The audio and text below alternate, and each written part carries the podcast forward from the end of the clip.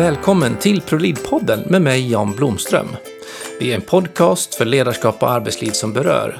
Det är jag då som affärspsykolog möter drivna ledare och experter som jag är sådär extra nyfiken på.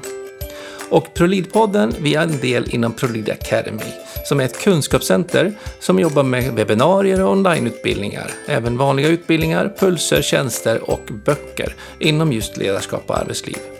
På prolid.se så finner du all information samlat. Men nu tillbaka till podden. För just idag så är jag extra nyfiken på ingen mindre än Patricia Kay. Och vi kommer att prata en del om hur man läser mellan raderna när det gäller rekrytering. Och jag tror att vi kommer få mängder av riktigt sköna tips och idéer och insikter förhoppningsvis. Eh, Patricia har en stor passion för engagemang och inkludering och jobbat många, många år inom rekrytering och verksamhetsutveckling. Och ehm, ja, helt enkelt bara önska Patricia hjärtligt välkommen och hoppas du får en riktigt skön lyssning här. Varsågod!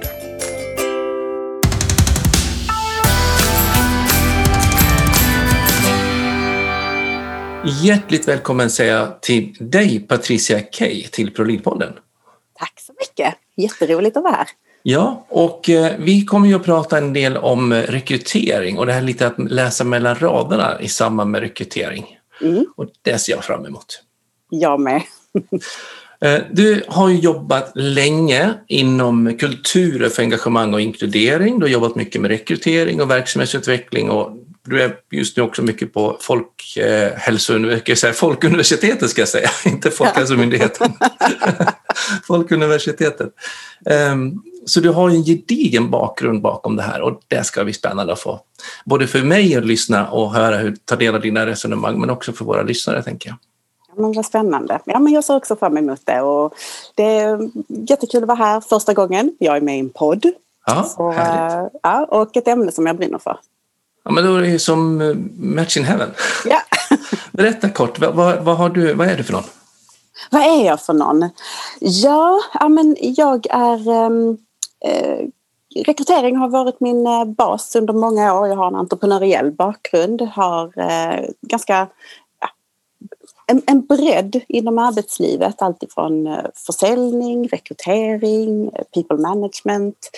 Ehm, ja, det har varit en, en härlig mix kan jag säga men den röda mm. tråden har alltid varit människor, beteenden, relationer.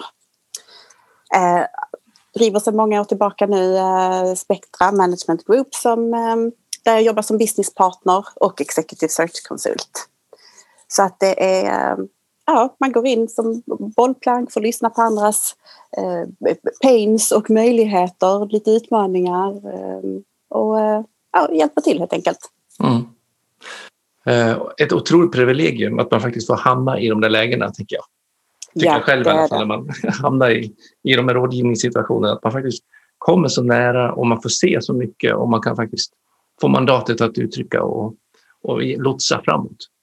Absolut, och det, det är spännande någonstans även om det är väldigt olika branscher. Jag kanske inte har en branschspecifik kunskap eller någon expertis. Så många gånger handlar det ju om människor, beteenden. Vi vill gå från någon form av punkt A till B till C och så vidare och det mm. har blivit någon hang-up någonstans. Och hur tar man sig runt det? Hur tar man sig vidare? Var är det det har gått fel kanske? Och så att det, det, det är spännande, det är varierande men samtidigt är det också ganska, ganska mycket på något vis bottnar i samma grund. Mm jag är psykolog i botten och jag, tycker, jag slås av det gång på gång på gång. Mm. Så, så säger det universella, alltså hur ska vi bete oss? Vad är det som händer? Vad är som, vi är bara människor och mm. någonstans ska vi ju någonstans och, och, hur ska vi ta oss dit? Det är som där det är. Då måste vi liksom inventera de där bitarna och då är branschen ganska ointressant. Mm, faktiskt. Men men, eh, rekrytering då. Eh, det är ju liksom en spännande fas vi står i med, med, med både kompetensskifte och det med, med försörjning och att det, vi har ett snabbt föränderligt samhälle som gör att vi hela tiden måste vara up to date när det gäller kompetens på arbetsplatserna. Och då blir ju rekryteringen en hemskt central del. Och jag tänker liksom så att Alltså hur kan man få för första, en, en rekrytering till att bli en möjlighet? För många gånger pratar man om att det är negativt, att, det, att många slutar och att det blir hög personalomsättning. Men jag tänker att ibland kan det vara en otrolig fördel också. Alltså hur, hur ser du på det här med att, att göra rekrytering som en, en, en positiv möjlighet? Men jag tror det viktiga är ju också att inte bara vara för snabb med att göra en, en ersättning, att man ska fylla en tom stol. Utan eh, att titta på, okej okay, men vad står vi nu? Hur har det sett ut den här personen? Uppdrag, arbetsuppgifter, funktion. Hur har den sett ut historiskt? Och hur skulle det kunna se ut framåt om vi fortsätter likadant ungefär? Eller kan man passa på? Kan vi bredda någon annans att göra en kompetenskartläggning? De andra i teamet eller på avdelningen, vem det nu än skulle kunna vara. Är det någon annan som skulle kunna ta ett kliv åt det ena eller andra hållet och fylla vissa delar kanske? Så att man faktiskt gör en, antingen en rokad eller en intern förflyttning. Så att man mm. rekryterar inte till den posten där någon ska eller har lämnat utan att man faktiskt kan fylla på någon annanstans istället. Att öppna upp andra luckor och möjligheter. Mm. Men också faktiskt att verkligen ta sig en funderare. Vad är det vi behöver? Är det andra förmågor? Är det andra kunskaper? Är det andra erfarenheter eller profiler som faktiskt eh, lämpar sig bättre för framtiden? Mm. Är vi duktiga på det där? Eh, nej, inte jätte. Vissa är. Vissa är jätteduktiga och um, har färdiga system för det och någon som äger frågan. Mm. Men um, oftast så är man ganska uppslukad av stress av att uh, alla måste bara, vi måste bara komma fram, vi måste bara fortsätta operations framåt. Och ja. då vill man bara ha in någon som gör i stort sett samma sak för att just nu sitter någon annan och gör detta mm. på dubbla stolar. Och det kan gå det blir lite för kortsiktigt att man behöver bara avlasta arbetsmässigt eller täppa till och säkerställa att någon verkligen gör de sakerna men man tar sig inte riktigt den tiden att genomlysa. Vad jag, jag kan känna också att man, man liksom på konferenser och sånt, ja, men då pratar man ju liksom att man ska se över och man ska inventeringen och man gör kravspesar. Och, men alltså jag kan uppleva att det är en ganska stor skillnad mot verkligheten hos många. Alltså absolut, jag håller också med dig, delar bilden av att vissa har verkligen ett system för det och jobbar med det på ett bra sätt. Men många, många gör det absolut inte, ska jag nästan vilja påstå. Mm. Liksom, känner träffare. Men, men liksom, att, jag tror vi har jättemycket att göra där. Så hur kan man göra det när man har så mycket att göra? Man måste producera och man har inte tiden att stanna upp. Hur, hur kan man ändå liksom göra ett omtag på det på ett liksom snabbt och enkelt sätt? Har du några bra tips där? Ja, men jag tror att bara att vara medveten om det. Hur gör vi när någon, när någon säger upp sig eller när någon ska lämna? Hur ser vår process ut? För för många så har man ju, man går nästan bara på instinkt. Vad är det första steget? Åh, vi måste, vem ska lägga ut annonsen? Eller ska vi ha en eh, firma som företräder oss? Vem mm. ska vi då ha? Och så går man ut. Så det blir första steget. Men det är inte första steget. Första steget är att ta en dialog kanske i ledningsgruppen. Mm. Det är där som ska vara första steget och ser man det som det naturliga första steget då är vi ju på rätt väg. Men många gånger är det att det kommer upp som att nu har någon sagt upp sig, nu måste vi rekrytera in en ny dit. Mm. Vi måste läsa ett, ett, möte där vi ska ta fram en nya notes, ja. brukar det låta. Ja, precis. Inte, inte ett möte för att diskutera hur ska vi rusta oss inför framtiden. Nej, nej. Och det är inte ovanligt när man sitter i kravprofilsmöten eh, där, man, liksom där kunden då spesar upp, det är det här vi har tänkt och det här och det här och det här liksom arbetsuppgifter, okej. Okay. Men när man då tittar framåt, hur ser, hur ser uppdraget för den här personen ut om tre år till exempel? Mm. Och då blir det lite stora ögon att titta upp i taket. Eh, ja, det, uh, ja, hur ser det ut då? Och då är det första gången som man tänker på det. Utan ja. man vill i stort sett täppa till det som man står inför nu. Ja. Sen är det ju inte alla, absolut inte. Jag kan säga eh, min erfarenhet har varit att de lite större kanske internationella eh, bolagen har många gånger en, eh, en annan modell där det är mer tydligt mm. faktiskt i, eh, där man gör kartläggningen. Det kan också vara att man har ganska många att, att hålla koll på så att man vill ha en plan lite tydligare. Men, äh, men generellt sett så tycker jag att vi kan vara lite svaga där. Mm. Och om man nu ska liksom sätta ner foten i vad kommer den nya funktionen att jobba med om tre år? Mm. Alltså, hur kan man liksom göra den målbilden tydlig? Är det liksom bara att ta en whiteboard och börja punkta ner några grejer eller har du något liksom Ja, men man får ju titta på, på var, var ligger företagets strategi. För det är ju sällan så att man bara jobbar på dag för dag och ser lite hur det går utan någonstans finns det ju den strategin för året, mål för året, det finns inför en, en treårsplan, en strategisk plan och kan man blicka längre fram, nu är det ju världen snurrar väldigt snabbt. Så vi mm. kan inte säga att oh, vi har satt en plan för fem år och den kommer se ut så. Högst sannolikt kommer den inte se ut så som vi har tänkt. Nej. Tre år är också en väldigt lång tid. Men någonstans har man ju i ledningsgruppen eller styrelsen haft någon form av eh, lite längre plan. Mm. Och det är därifrån man måste koppla den och bryta ner det sen. Och vad innebär då detta? Vad behöver vi för att säkra upp till det? Mm. Och då har vi då landat i en tydlig bild av det. Så nu är tydlig vi ändå kan få till den. Ehm, och sen, hur, hur får vi tag på dem som matchar profilen? Ja, det är ju nästa fråga. Här är ju ett litet detektivarbete. Såklart beror det på vad det är för funktion, vad mm. som, vad, vad, som behövs. Ibland kan det vara väldigt skarpa liksom skallkrav. Det här, det här måste man verkligen kunna för att matcha rollen. Eh, och eh, här finns det ju också olika svårighetsgrad. Vissa profiler är ju lite mer synliga på marknaden så att man faktiskt kan hitta dem i olika forum, olika, ja, på olika medier och i, i nätverk och så vidare. Men vissa syns inte så mycket. De kan Nej. vara eh, profiler som ja, de utför sitt jobb väldigt, väldigt bra men de är inte med i några nätverk, de är inte i några forum. Nej. Och då, då får man vara lite detektiv hur man ska komma igenom. Men det är ju både att veta var befinner de sig, vilka arenor finns de här personerna på. Mm. Det, det, är inte lönt att vi ja, har, har, stora skyltar i, i, det, i forum A när folk finns i forum F till exempel. Så att vi måste mm. hitta, var ska vi synas, var ska annonsen vara? Jag har jobbat med Executive Search också där man också uppvaktar de som redan idag har ett, ett jobb som inte är um, aktivt arbetssökande. Och uh, då får man helt enkelt bara börja. Leta efter någon som känner någon, komma in i någon som, till någon som finns i det här forumet för att mm. sprida mm. ordet och så vidare. Så att det, är ett, det är ett hantverk, verkligen. Jag kan tänka mig det. Och jag tänker också lite grann som du säger med just de här arenorna. För att, eh, ibland stöter man ju på de här som jobbar med speed-rekrytering, så mm. stora mässor nästan, där man ska göra på olika stationer och ska liksom bränna av någonting på två, tre minuter.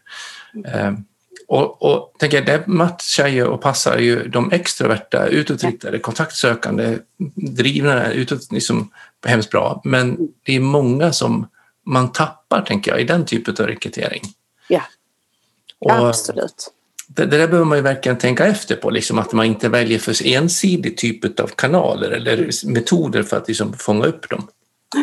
Nej men det är helt rätt, helt rätt. Och även när man tittar till processen, många gånger så är det ju lite tidspress för att alla vill ju att den här rekryteringen den ska vara löst helst igår. Det är ju liksom en standardfras.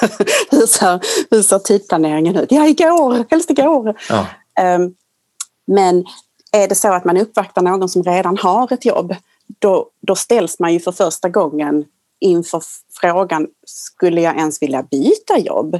Och det behöver man ge lite tid faktiskt för att det ska landa in. För vi vill inte heller ta, ha någon som kastas in i en process. Och sen visar det sig att de har inte låtit detta liksom vandra internt eller alltså i sin, sitt, sitt eget medvetande och, eh, eller prata med familj och så vidare. Och mm. Då blir det inte en bra rekrytering. Då får du en kandidat som kanske drar sig ut när vi har kommit halvvägs för de, det är då de kommer, det kommer ikapp en.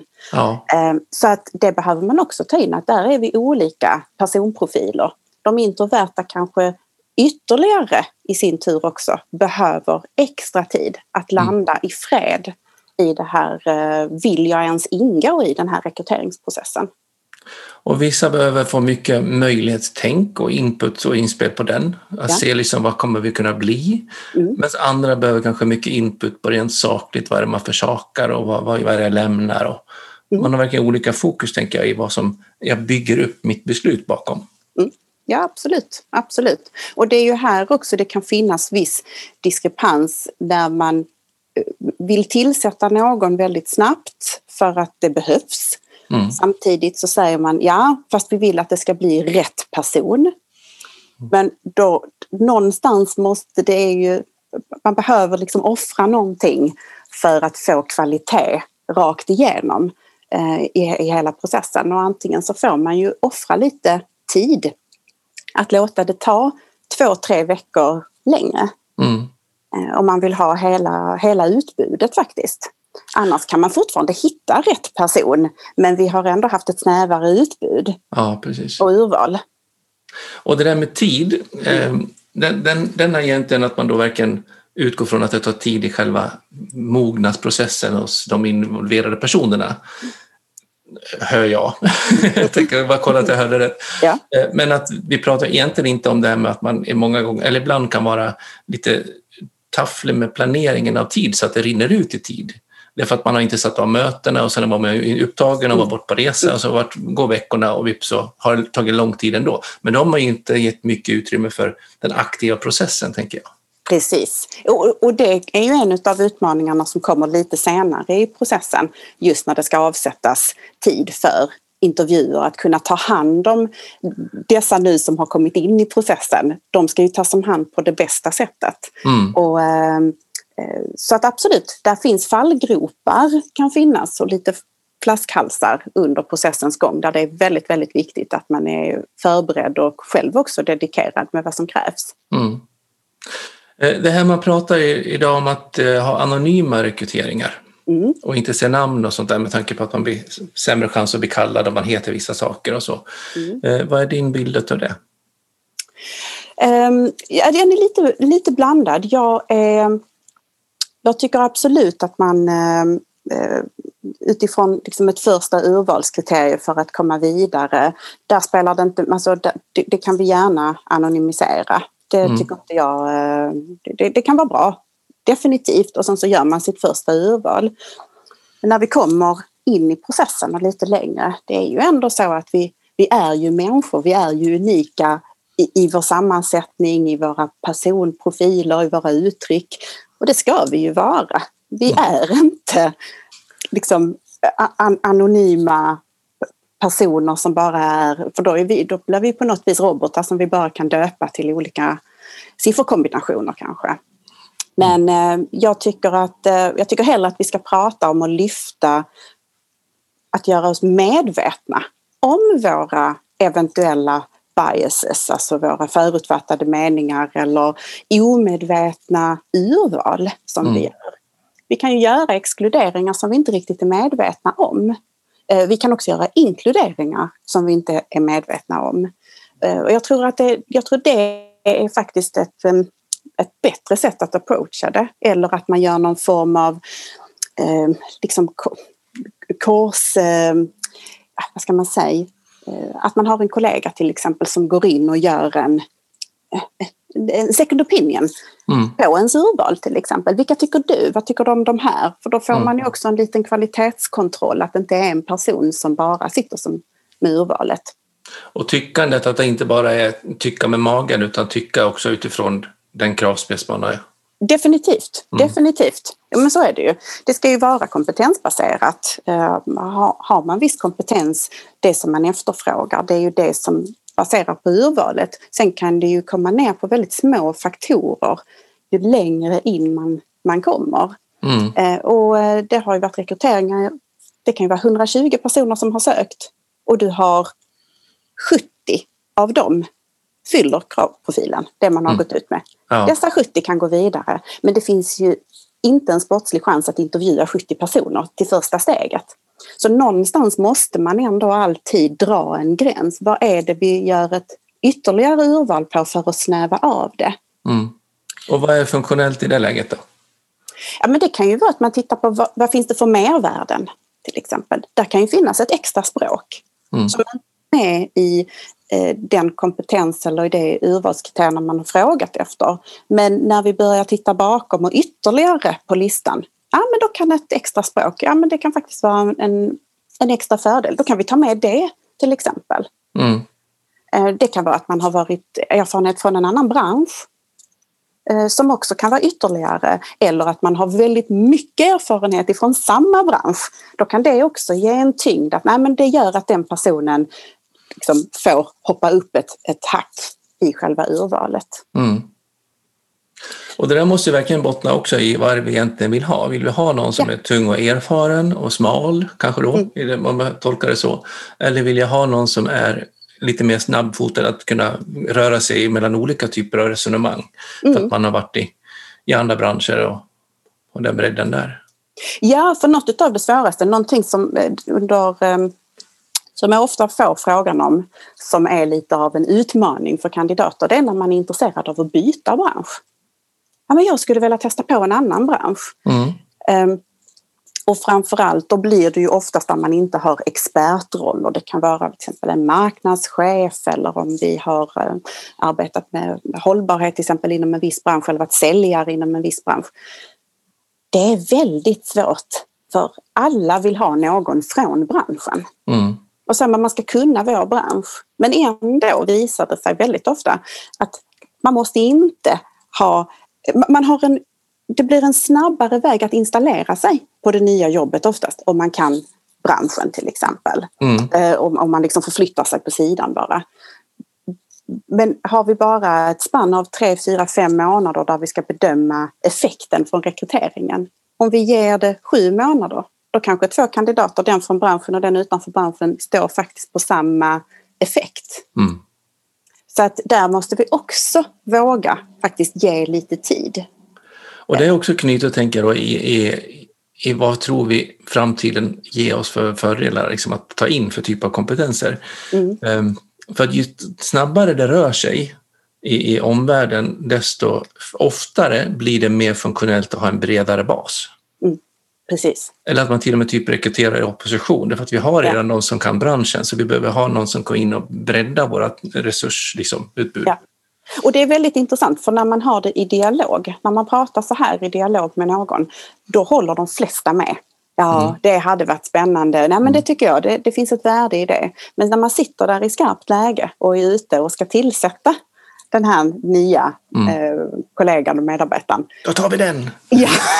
ja, men den har ju ingen branscherfarenhet. Nej, men den har det här och det här och har gjort så här och så här. Och mm. att, att titta mer på kanske hur man har tagit sig an saker eller tillvägagångssätt kan vara ganska lika oavsett bransch faktiskt. Mm. Men ändå, nej men den kommer ändå från branschen så den förstår, den kommer snabbt in. Ja. Då är det det som blir den avgörande faktorn för urvalet. Och där tycker jag att man missar väldigt mycket. Och jag tänker också som du säger, med liksom att man, hur man tar sig an situationen. Ja, ja, Vill vi ta in någon som tar sig an vår bransch som vi alltid har tagit an vår bransch? Mm. Eller vill vi ta in någon som har ett annat angreppssätt som gör att vi får ett konkurrensfördel kanske mot de övriga i branschen? Mm. Ja, men jag precis. Jag hade en diskussion med, med fotbollsspelare förut som, som är ganska liksom biffiga och, och lite, oftast ganska stela. Mm. Och så la de in och jobbade med ballett i träningen. Ja. Just för att kunna få en annan kroppskontroll och rörlighet och smidighet. Vilket gör att då får man en annan typ av prestation ute på plan än kanske de andra vanliga lagen som inte har så mycket ballett. Mm. det finns så mycket spännande liksom, korsbefruktningar på hur vi faktiskt kan föra in helt andra grepp för att uppnå en annan helhet i, i vår verksamhet.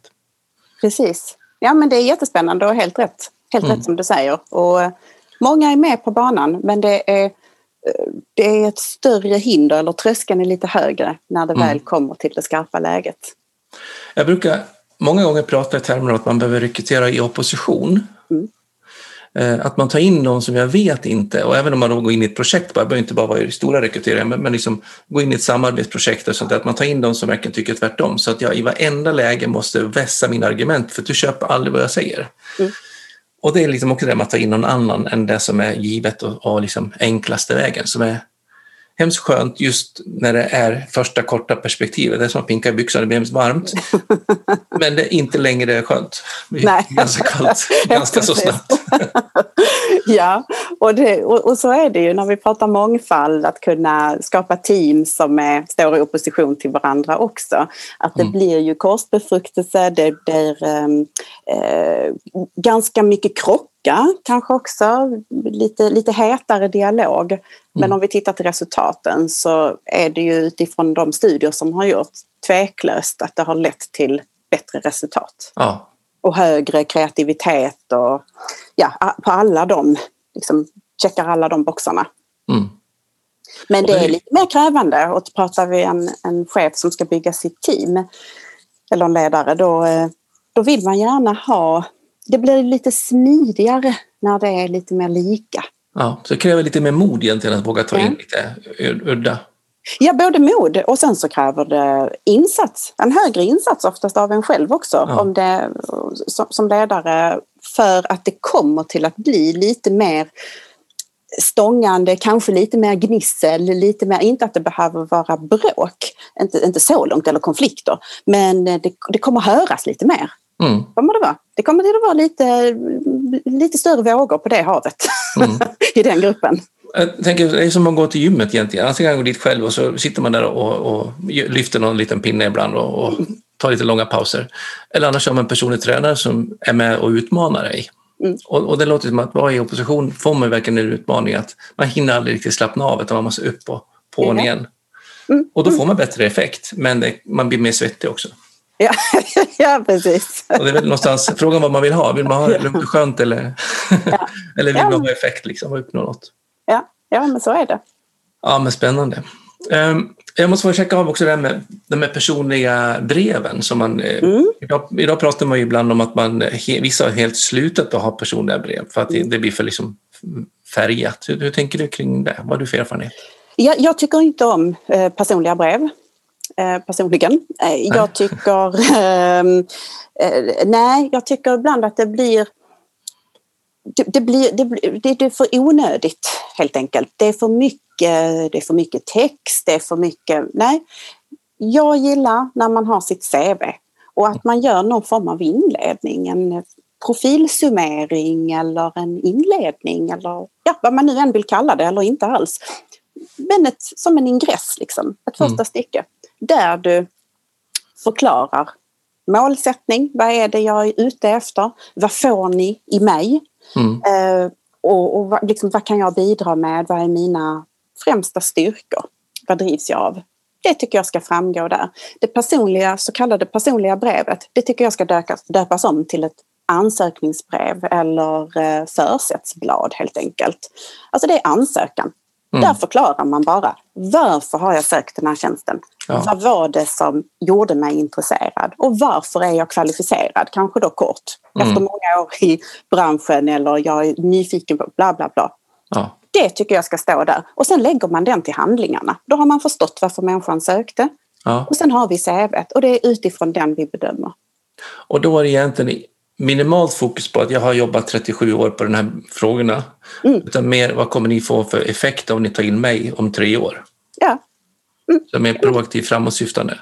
Ja men det tycker jag. Mm. Vad är det man, liksom, det man kan bidra med? För att, att jag har gjort man kan ju ha en stor och gedigen förståelse för branschen eh, men det är ju mer intresserad i så fall faktiskt hur man ser det framåt sett. Hur ser mm. jag att jag kan använda mig av min erfarenhet som kan vara till liksom, som kan användas framåt eller mm. vara till gagn framåt. Och det kan ju alla göra oavsett vilken branscherfarenhet man har bakåt.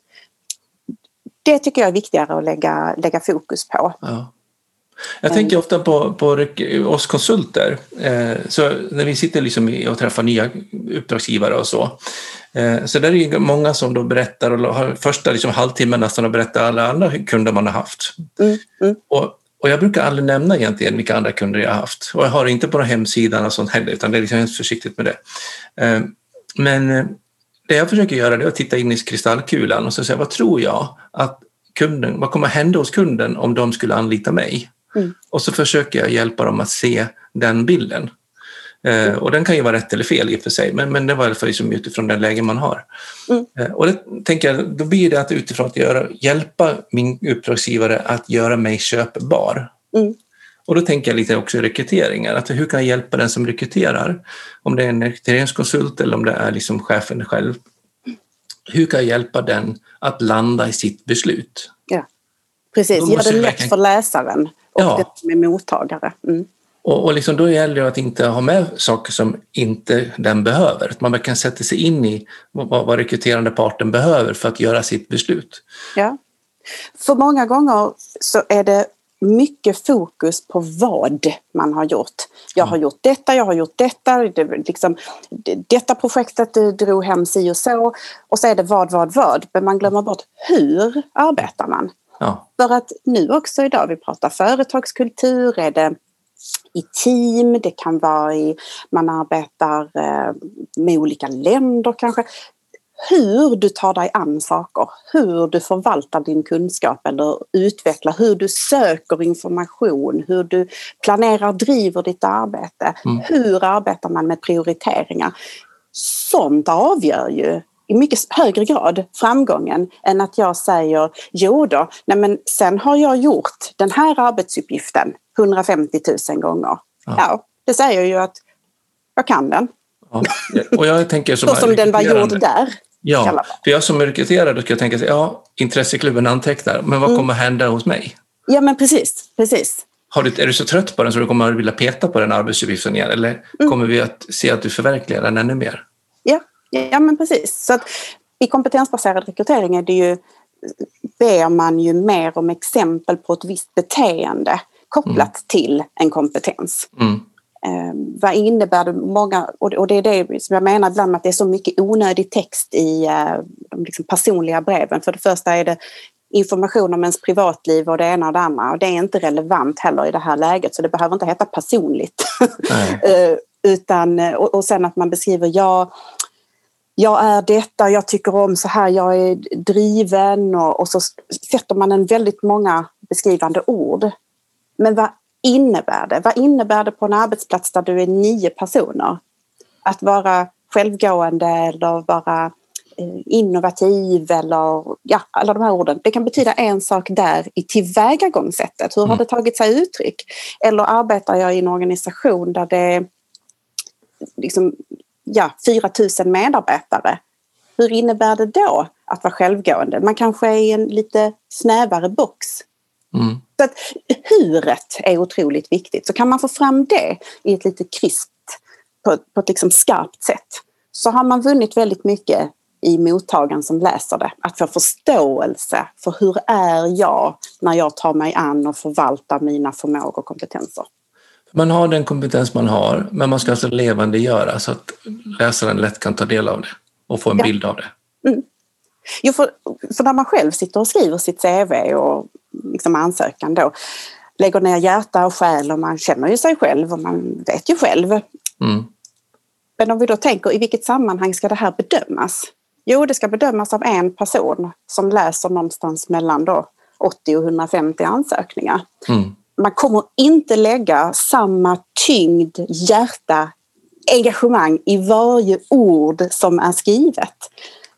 Utan det är lite, man ska kunna ändå på något vis eh, göra det enkelt att förstå, enkelt att ta till sig. Vad är detta för typ av profil? Vilken kompetens har den? Vad är det den kan? Vad har den liksom ändå gjort? Snabb förståelse. Mm.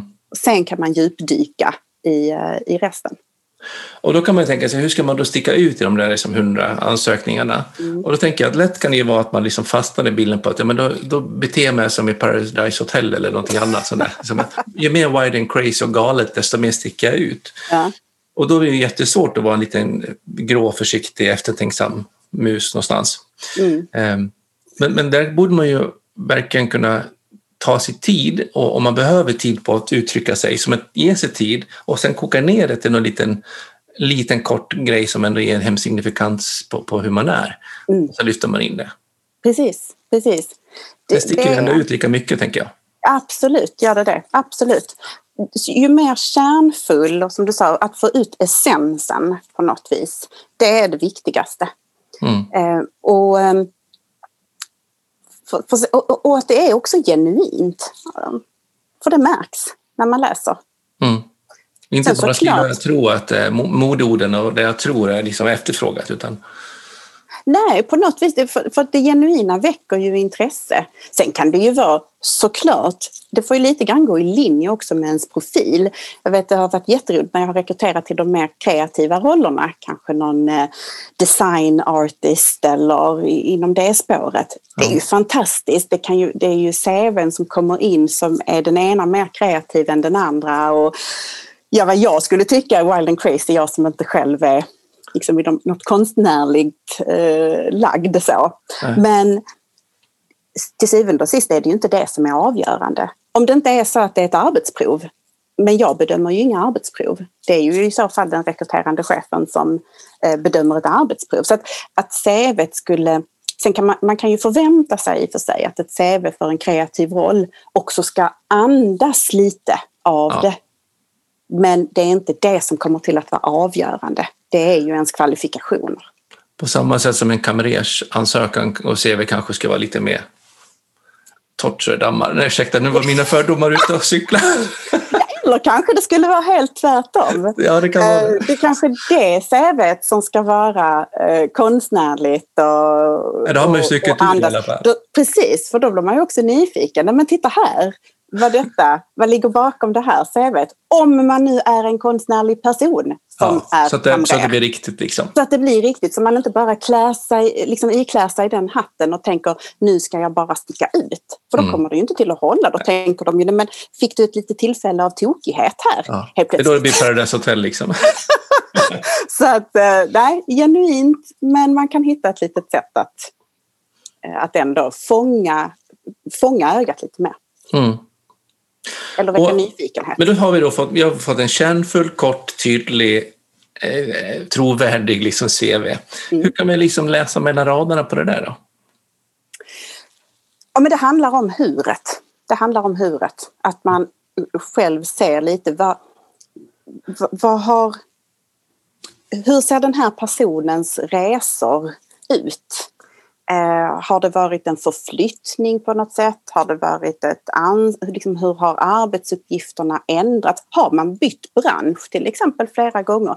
För det kräver ju en viss del av en. Mm. Alltså det beskriver ju lite grann. Sen så är det ju också så, man ska, man ska vara försiktig med att göra allt för mycket antaganden. Och det är därför jag säger det är bättre att kandidaten, alltså jag som person, är väldigt tydlig i vad det är jag skriver så att jag inte hamnar i skålen av antaganden hos mottagaren. Mm. För då är ju faktiskt risken att jag också kan bli felbedömd på det jag har gjort. Just det. Så att, eh, men, men jag tror att, att titta lite, ja, men här är det en person som har förflyttat sig på det här sättet, man har tagit sig an den här rollen, sen till den rollen eller den här arbetsuppgiften eller denna branschen. Vad ställer det för krav på en person? Mm. Har man, och, och, och det är där jag menar att att kunna se profilen, hur man gör saker, hur man har tagit sig an. Finns där ett inslag av mod i det man har gjort till exempel mm. eller en, eh, ja, en viss tydlighet. Ja men då, då kan det också väga upp. Det är i alla fall ett utrymme som vi behöver utforska mer. Mm. Och jag tänker liksom två ytterligheter som jag ser på kanske samma typ av historik är ju antingen om man har liksom aktivt sökt sig till de här nya positionerna eller ansvarsområdena, eh, vilket ju då tyder på att man har liksom en skapare och en mer entreprenöriell sida. Mm. Eller om man mer har gjort huret i form av att man har alltid svarat, låtit bli och sagt nej när blivit tillfrågad. Mm. Mm. Alltså man inte aktivt sökt sig utan man har bara hamnat där för att all, man är påläggt kalven som aldrig sviker. Liksom. Mm. Och då har man ju egentligen inte tagit initiativ till någonting utan man har bara blivit nyttjad till någonting. Ja absolut, så kan det ju vara. Eh, sen kan ju den där påläggskalven ändå också ju ha hamnat i, i alltså, någonstans måste man ju tacka ja till det också. Ja, att, eller, eller låta bli att tacka nej.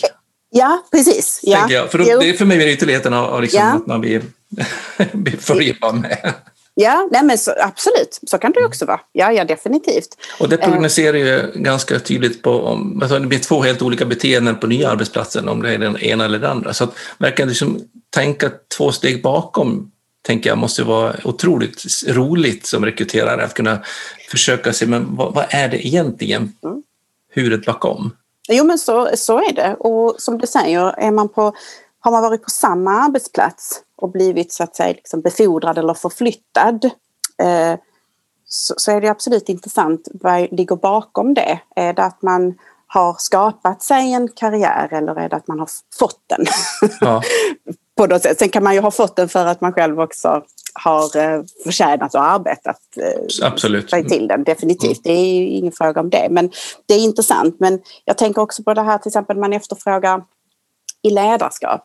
Jag har träffat på då har jag rekryterat väldigt mycket till kommersiella tjänster eller säljprofiler. Mm. Eh, I säljprofiler behöver du oftast inte ha kanske någon specifik eh, akademisk examen eller du kan ha växlat i många olika branscher och så vidare. Eh, men till exempel, ja, men har du haft ett pers formellt personalansvar?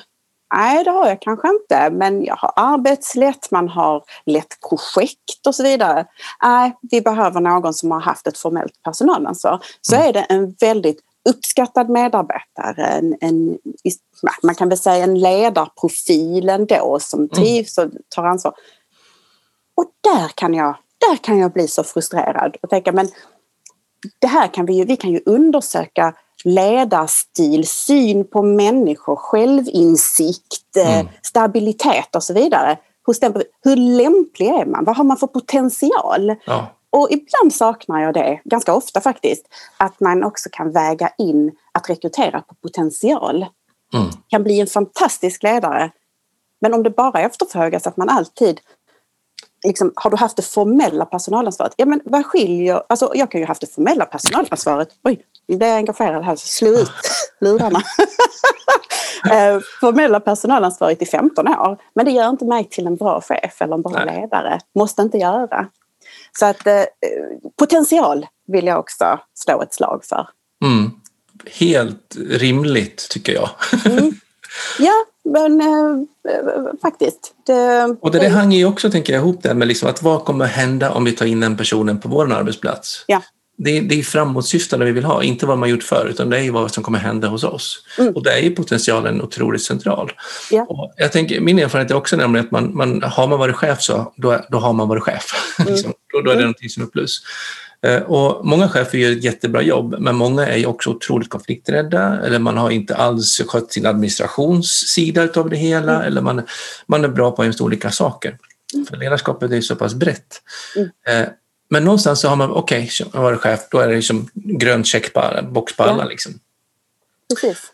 Och de här som då inte har haft det formella kanske har tagit diskussion med projektkollegorna, liksom konfronterat, dragit upp målbilderna liksom och mm. verkligen fångat de människorna fast jag inte haft det juridiska personalansvaret.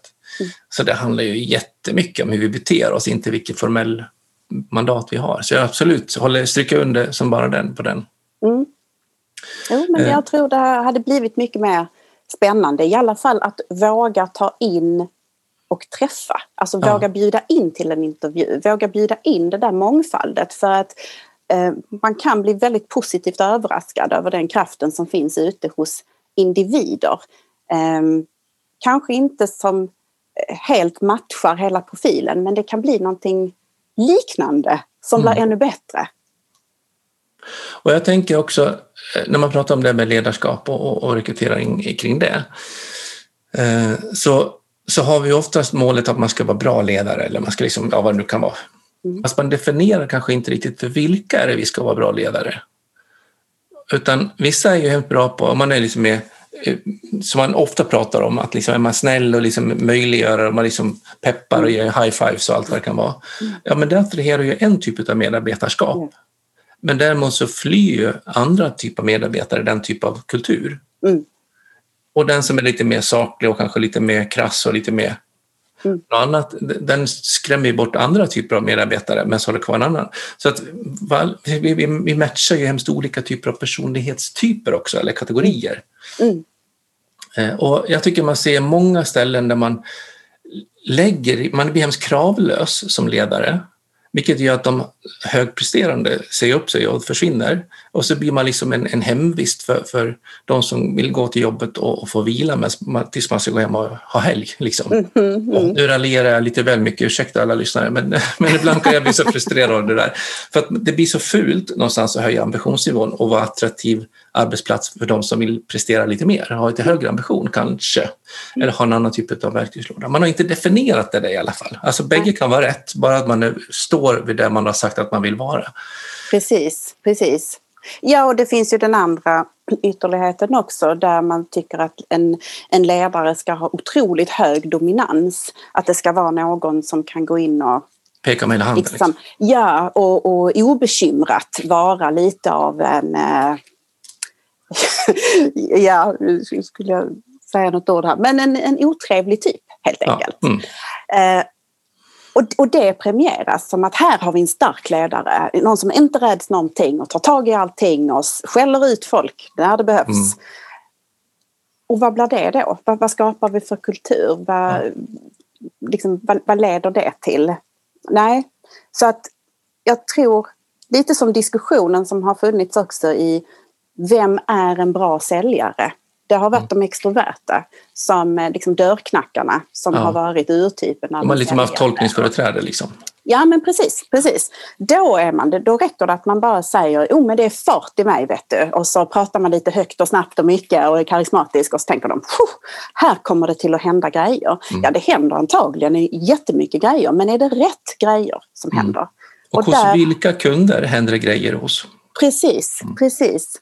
Och lite när vi tittar det här med relationsskapande, liksom hållbarhet, kvalitet, eh, ödmjukhet, både kopplat till ledarskapet, att de som har lägre dominans, som har en mer ödmjuk approach, fortfarande har vi fokus på uppdrag och resultat, de seglar ju in nu som mm. den, liksom, för det högsta score på eh, ledarskapsindex. Och tittar vi på säljprofiler, samma sak. Det är de som är något mer kanske dämpade, lite mer, mer lyssnare än talare, eh, som vinner mark. Mm. Och det är intressant. Alltså, vi spelar ju in det här nu under januari månad eh, mm. 2021 är vi nu. Yes. Och, och, då har faktiskt Farmen precis börjat på tv. Ja. Ehm, och jag råkade se det häromdagen och då vart jag så, de som deltog, så jag tänkte, de, de är liksom sådana som egentligen är ganska nyfikna på att vilja lära sig. Eh, de vill liksom sköta djuren eller de vill liksom är ganska arbetsvilliga. Eh, och, och liksom tänkte, ja men för några år sedan så hade de aldrig någonsin gjort det som casting. Mm.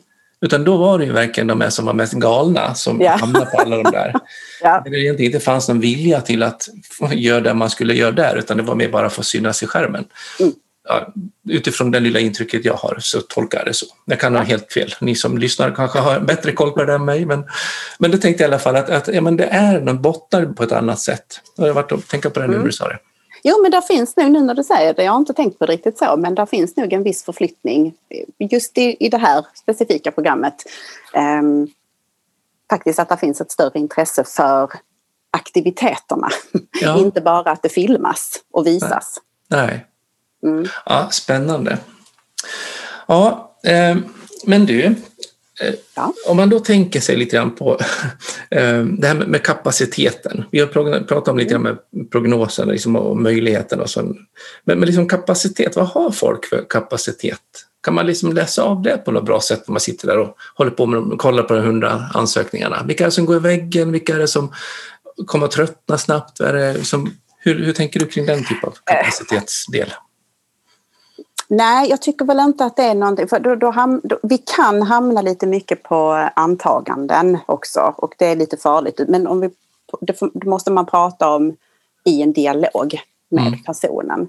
För att det kan finnas så många eh, faktorer som ligger bakom i ett arbetsliv. Det, det syns inte på ett CV så att det skulle jag inte vilja säga. Man kan ju såklart titta på om de har skrivit ut vad man har, eh, lite varför man har eh, lämnat, börjat på något nytt, vad man har fått för typ av uppdrag, om man tagit sig vidare. Där kan man ju få en känsla för profilen. Mm. Oj, här är nog någon som presterar, som gillar att prestera väldigt, alltså det, det är resultatfokus på uppgifterna. Mm. Men sen är det ju så, du kan ju ha någon som är eh, programmerare eller på en IT-utvecklingsavdelning som har ett otroligt högt engagemang som sitter och, och med jättemycket kunskap och um, hängivenhet till Mm. uppgiften. Det är ju ingen som ser det. Det är inget som syns. Det kanske inte heller är någonting som man sådär, detta bidrog till att vi ökar vårt, eh, vår lönsamhet så här, så här mycket. Så att jag tror att det, man ska nog hellre titta på hur bedömer vi, vad definierar vi som kapacitet, engagemang eller ehm, ja, den här generatorn liksom, som, som Mm. vi har. Ehm, mm, jag, tror, ehm, jag tror nog det är viktigt att, att prata om is- istället ehm, vad man motiveras av. Alltså vad har man för drivfaktorer? För det är Mm. nog det som gör, får man inte det tillgodosett då kommer man inte stanna på den arbetsplatsen. Nej. Nej, och jag brukar tänka i termer också av att liksom, hur, hur, hur, hur, håller jag mig, hur håller jag mig anställningsbar? Mm. Alltså lev, hur lever jag mitt liv utanför arbetet så att jag någonstans också får en livsbalans någonstans? Ja. Och att det är frågor som är, man kan inte inte bedöma det från ena hållet men det är viktigt att ha dialogen Mm. om att, liksom, hur, att man lever i sunda relationer som gör att jag orkar, jag orkar hålla fokus, liksom, jag rör mig så gott eller jag äter så pass sunt så att jag orkar ha, vara i balans när jag är på jobbet. Att de här två sakerna hänger ihop. Ja, ja. Oftast är det ju också så eh, att det är inte bara en faktor. Menar, som pallen har tre eller fyra ben och oftast är det inte bara det ena benet som kanske blir uppsågat när det är någon som faller utan det är på flera plan. Mm. Så att det kan vara mer komplext än att bara titta utifrån ett perspektiv. Ja. Så att våga i alla fall tänka i de termerna tänker jag, och ha Mm. dialogen och funderingen som du säger. Ja, Eh, Men du, nu har vi gallrat ur, läs mellan raderna, vi har gallrat ur dem vi vill ha. mm. Hur ska vi knyta ihop säcken? Hur, hur, hur får vi dem att nappa på kroken och säga ja? Ja, här ska vi ju tänka att det är ju lika mycket arbetsgivaren som också ska eh, faktiskt sälja in sig eller eh, och också på så tydligt och sanningsenligt sätt, alltså så verklighetsförankrat sätt som möjligt beskriva vad kan man förvänta sig av vår arbetsplats. Mm. Hur vi arbetar, hur vi ser på individen, samarbete på allting. För att ju närmre varandra i förväntan vi kommer, eh, i både, vad, vad båda parter får, eh, desto, jag tror desto bättre match, eh, matchning blir det Mm. framåt sett. Och har man lite utmaningar på arbetsplatsen, säg det! Ärligt. Mm. Här har vi haft lite si och så och det tittar vi på där och där och, och det är vad man kan förvänta sig så länge eh, man har en, en medvetenhet och en plan framåt. För det värsta som finns det är när man säger att eh, allting är superbra och här till oss, kom till oss, vi är bäst och så kommer de dit och så blir det en chock. Här Ja. pågående konflikter som har hållit på, de har fått ta in konsulter för att försöka lösa det och så vidare. Mm. Och vi är inte bäst. Nej. Blir man inte kvar länge. Nej, precis. Då blir det lite av en chock. Så Ja. att jag tror var så, var så ärlig, genuin som möjligt ehm, och eh, eh, ja, ha en plan för den man vill erbjuda jobbet. Mm. Eh, på introduktion och så vidare. För den är också jätteviktig. Jag brukar tänka, en till liknelse med personlig tränare. Att när man ska göra sin första dag på jobbet, vi har kommit i hamn, jag har skrivit under anställningskontraktet, eh, då har jag liksom verkligen skrivit under och sagt nu startar jag. Det är som att gå köpt årskort på gym, man köper nya träningskläder, man liksom packar väskan. Första januari börja, första januari kör vi igång. Och första dagen och resten av mitt liv någonstans. Mm. Eh, Men rekryterande sidan är ju viktigt att ändå inte bara säga ja, men nu är vi klara med rekryteringen, nu kan vi gå till nästa. Ja. För då Nej. möts vi ju inte i dörren liksom. Nej, nej, nej, nej. Och det är där den här planen kommer in. Att Ja. onboardingen eller introduktionen är otroligt viktig. Ja. För att den, den, eh, vi, vi är inte färdiga. Sen kanske där är eh, provanställning och så vidare. Men man ska känna sig välkommen. Det här är också en employer branding vi måste titta på. Eh, hu- hur väl man vill rekommendera sin arbetsgivare till andra. Mm. Det är vårt marknadsvärde där också. I allra Kanske- högsta grad. Verkligen, det kanske den viktigaste rekryteringskanalen ska jag säga. Ja, ja, ja, ja, ja absolut. Ja. Så att, eh, nej, att jobba med introduktionen, komma igång och sen följa upp. Stämmer, stämmer våra förväntningar på dig överens med också dina förväntningar på oss? Har vi levererat? Mm. För det här med att man ska vara tacksam att man fått ett jobb, Mm. det Ja, det finns är ju inte längre. Ja, det finns ju inte. Nej. Så idag måste det vara win-win, verkligen. Ja.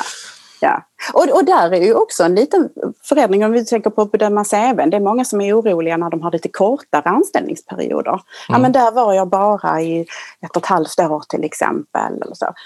Den tröskeln och den måttstocken den, den förändras också mm. eh, mer och mer. Nu när vi kommer in i gigekonomi och, eh, och det också.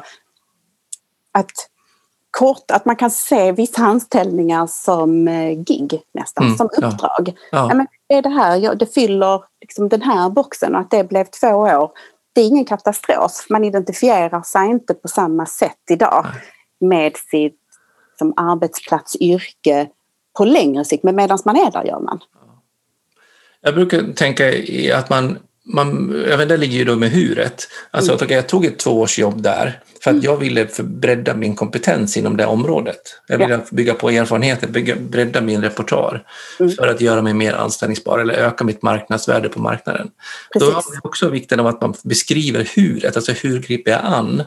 Hur ser min plan och strategi ut? Varför jag har sån och sån typ av CV. Liksom. Ja, Ja, ja, och det är ju också många i den här eh, termen att vara överkvalificerad. Den är ju också svår för att den kan vara väldigt, väldigt enkel. Det kan vara någon som har haft den här klassiska karriärsresan men sen känner att jag vill inte ha det längre. Jag vill ha en annan eh, work-life balance kanske. Jag vill um, inte vara chef längre med personalansvar. Jag vill inte mm. ansvara för Anna. Jag vill gå tillbaka till en mer operativ roll baserad på egen insatsarbete. Ja. Och har man den förklaringen är det otroligt viktigt att den kommer fram i det här ansökningsbrevet, inte personliga brevet, ansökningsbrevet. Ja. Som en förklaring till varför söker jag ett jobb som på pappret kanske eh, jag kan verka vara överkvalificerad för. För mm. annars lämnar man det i händerna på, eh, på rekryteraren till exempel då, eh, på mottagaren. Att ja. man tänker, hm, nu verkar det lite märkligt. Och så på något vis så blir man överkvalificerad och de tror att det är svårt att motivera den personen. Fast det kanske är den som är allra mest motiverad för jobbet för man är så sugen på att komma tillbaka till en form av operativ roll. För efter flera års vånda så har jag äntligen gjort ja. ett beslut. Ja, Precis. Så ta kommando över ditt marknadsvärde. Ja, absolut, absolut. Och våga skriva det i CVt. Gör det enkelt för mottagaren. Kommunikation sker på mottagarens villkor. Klockrent. Om man vill komma i kontakt med dig, var får man ta på dig någonstans? Jag finns på LinkedIn, Patricia Key. Eh, annars så finns där, eh, ja, där finns alla mina kontaktuppgifter. Ja, så, så det är in på LinkedIn. In på LinkedIn, connecta. Ja, suveränt. tusen, tusen tack för dina kloka ord. Jättespännande att få höra. Tack så mycket och tusen tack för inbjudan. Det har varit äh, jätteroligt att vara med. Ja, men kul. Vi hörs. På återhörande. Detsamma. Hej! Om du gillar avsnittet, ge oss tummen upp och följ oss så blir vi jätteglada. Och passa även på att följa oss på LinkedIn, Instagram och Facebook. Både när det gäller ProLead och mig själv Jan Blomström, ja, så lär vi ju faktiskt känna varandra ännu lite bättre. Ta hand om dig så hörs vi vid vårt nästa avsnitt.